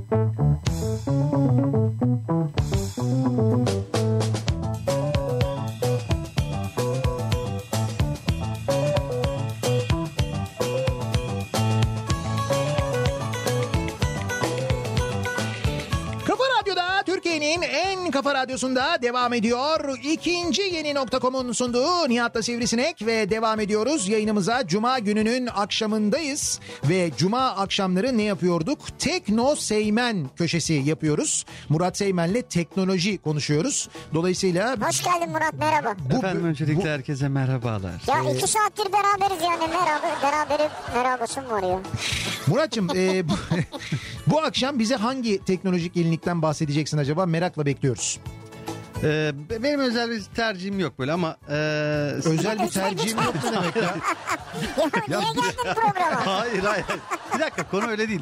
Ee, bugün ben genel programın tamamına böyle bir dahil olmak istedim. Ee, Evet. ama e, teknolojiyle ilgili bahsedecek çok şey var. Ben sizin merak ettiğiniz bir şey varsa benim de takip ettiğim cevaplandırabilirim. Ama benim en çok dikkatimi çeken geçen He. Serdal e, Serdar Kuzuloğlu'nun elinde de gördüğüm Evet. e, Samsung'un çıkardığı e, yeni katlanabilir e, ekranlı telefonu mesela çok merak ediyorum. Türkiye'de e, telefonu kullanan 4 kişiden biri olduğunu söylemişti hatta. Abi çok çok merak ediyorum ben onu ya. İstiyorum Evet, ondan. Bana Evet, alsana. Zaten 4 tane gelmiş şu an biri onda.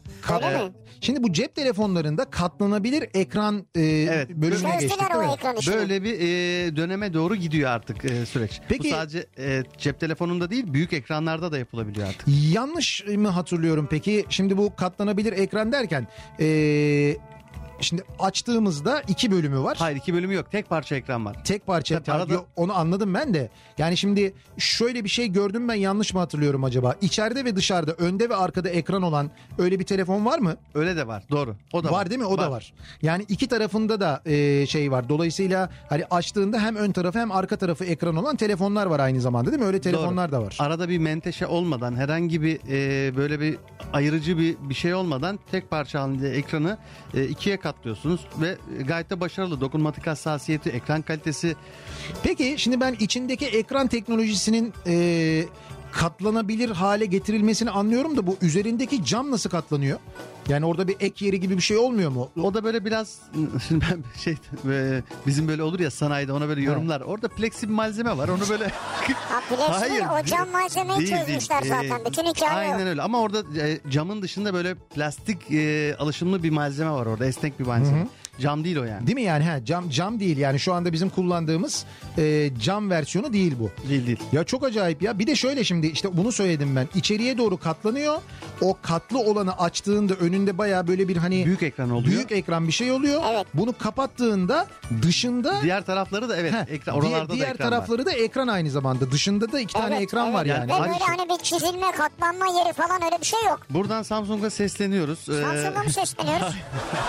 Nasıl sesleniyoruz? Ürünü e, bir şekilde ulaştırabilirlerse incelemek isteriz yani. Şöyle Korece seslen istiyorsan. Ha. Ha, yok. Kamza Hamida. Aa bravo ya. Öyleydi değil mi? Bir de şey Little mercimek. Tabii Ko- Kore değil de. Bu arada size bir sürprizim var. Ee, yakın Kore'ye mi gidiyoruz? Evet. Yaşasın. yakın bir zamanda evet Güney Kore. O mercimekçi duruyor mu orada ya? Güney Kore bilmiyorum duruyordur herhalde Türk lokantası. Vay be. Yakın zamanda bir Güney Kore seyahati ve Güney Kore yayınları yapabiliriz yine. Vay vay Evet, evet, vay. öyle bir şey- Özledik ya. Öyle bir şey olabilir. Bakalım bizden sonra Seul ne kadar değişmiş. Gelişmiş Kore, mi? Korelileri de Kore'yi de özledik. En son gittiğinizde çok temizdi. 2011 Evet. yılı mıydı? Seul'e metrobüs gelmiş mi? Seul'de ne gibi gelişmeler olmuş falan onları bir gidip yerinde görmek lazım. Evet dediğin doğru biz gitmeyeli e, Kore'ye herhalde böyle bir 7-8 sene falan oldu. Ben Yani- 2011 diye hatırlıyorum. Ya da 2011 miydi? Daha eski de olabilir. Yok 2011'di diye ben de öyle O hatırlıyorum. civarlardır ya. Doğru, Doğru. söylüyorsun. Gerçi biz Japonya'ya giderken geçen bir yani Seul'e havalimanına uğradık. Hani böyle orada biraz vakit geçirdik ama şeyde Incheon'da. Ama hani Seul'e inme fırsatımız olmadı. Evet. Seul'e gitme fırsatımız olmadı. Belki bu sefer Seul ve e, sadece Seul de değil bu arada. E, Güney Kore'nin başka bir e, bölgesine, başka bir adasına hatta Güney Kore'nin bir adasına gitme ihtimalimiz var. Öyle bir seyahat planlıyoruz. Kimle O- gideceğiz? Oradan yine yayınlar Ya gerçekleştireceğiz. biz de gideceksin ne oldu? Beğenmedin Yani mi? Kimle gideceğiz? Kim, ki- genelde orada hep kim çok ya. Yani böyle Ha, kimle gideceğiz? Vay Yok, bu vay sefer- vay esprilere bak be. Çok çok. Bu sefer kim mi gelir bizimle bilmiyorum ama Erdal Bey'in gelme ihtimali son derece yüksek. Yani Erdal Aa, ne güzel. Erdal daha iyi karışmaz en azından.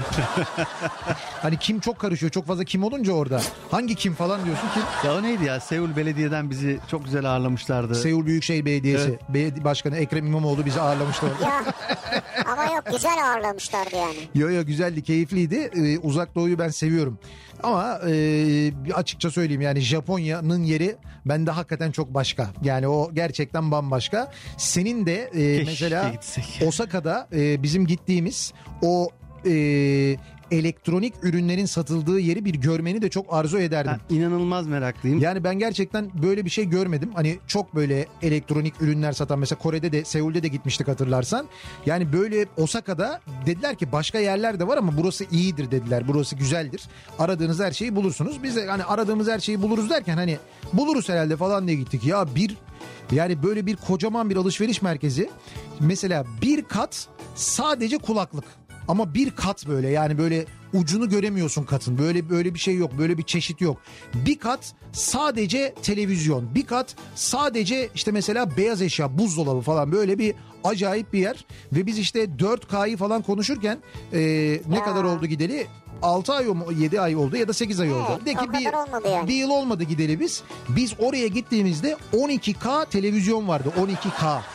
Bak biz 4'ü daha kullanmıyoruz. Yani kullan herkes kullanmıyor yani 4'ü. 12K televizyon vardı biz gittiğimizde orada. Vardır. Enteresan böyle teknolojik gelişmeler var. Geçen gün böyle bir güvenlik kamerası alırken bizim burada Perpa'da çok uzağa gitmiyorum yani. Evet Perpa'da da her şey var ya. Var doğru söylüyorsun. Yani belki bir Osaka değil ama Normalde söylüyor, çok evet. karanlık, zifiri karanlık ortamları gösteren gece görüşlü bir kamera var ama renkli gösteriyor. Yani Hı hı. karanlık ortamı e, hem e, e, renklendiriyor hem de aydınlatıyor. Ama zifiri karanlık bir ortam. zifiri karanlığı. Zifiri yani. karanlık bir ortamı renkli görebileceğiniz bir kamera var.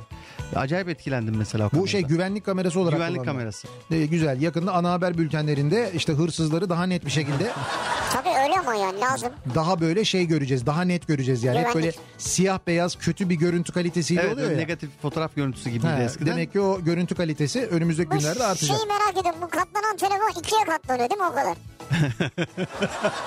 Yo, yo, 7'ye en fazla da Zaten en yani. fazla 7'ye kadar katlanabiliyor.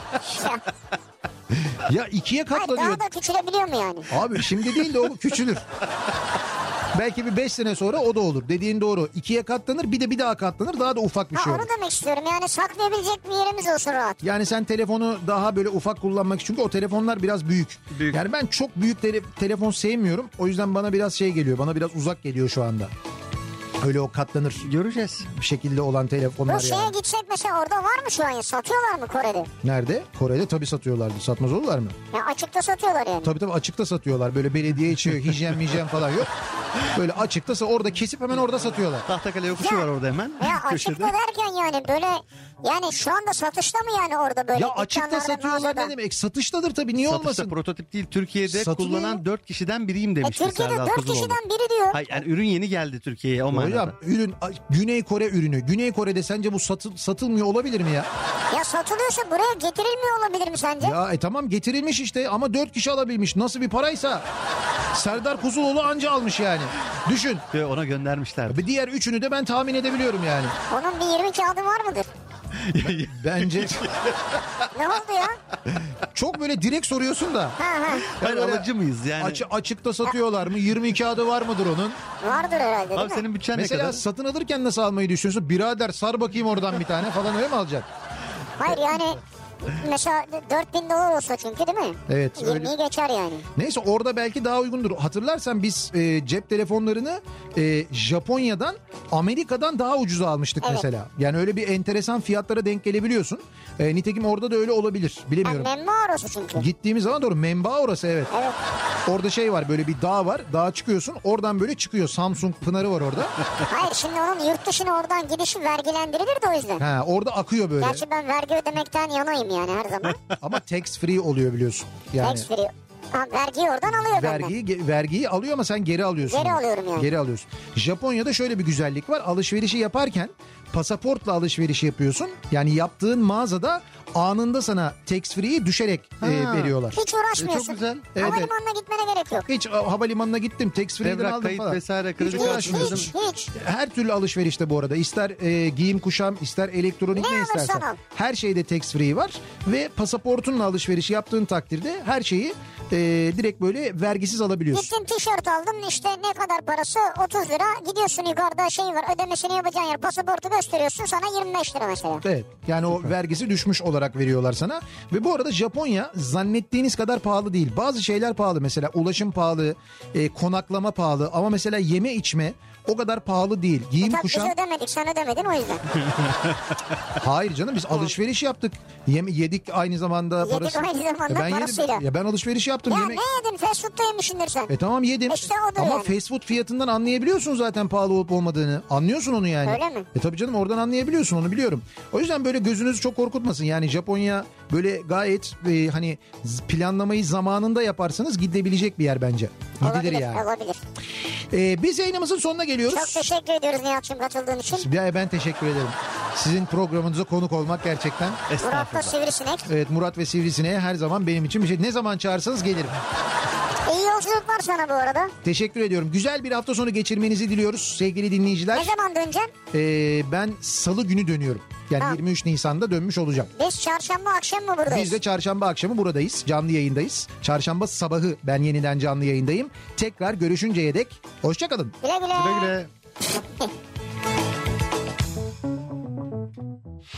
İkinci yeni nokta.com'un sunduğu Nihat'la Sivrisinek sona erdi. ikinci yeni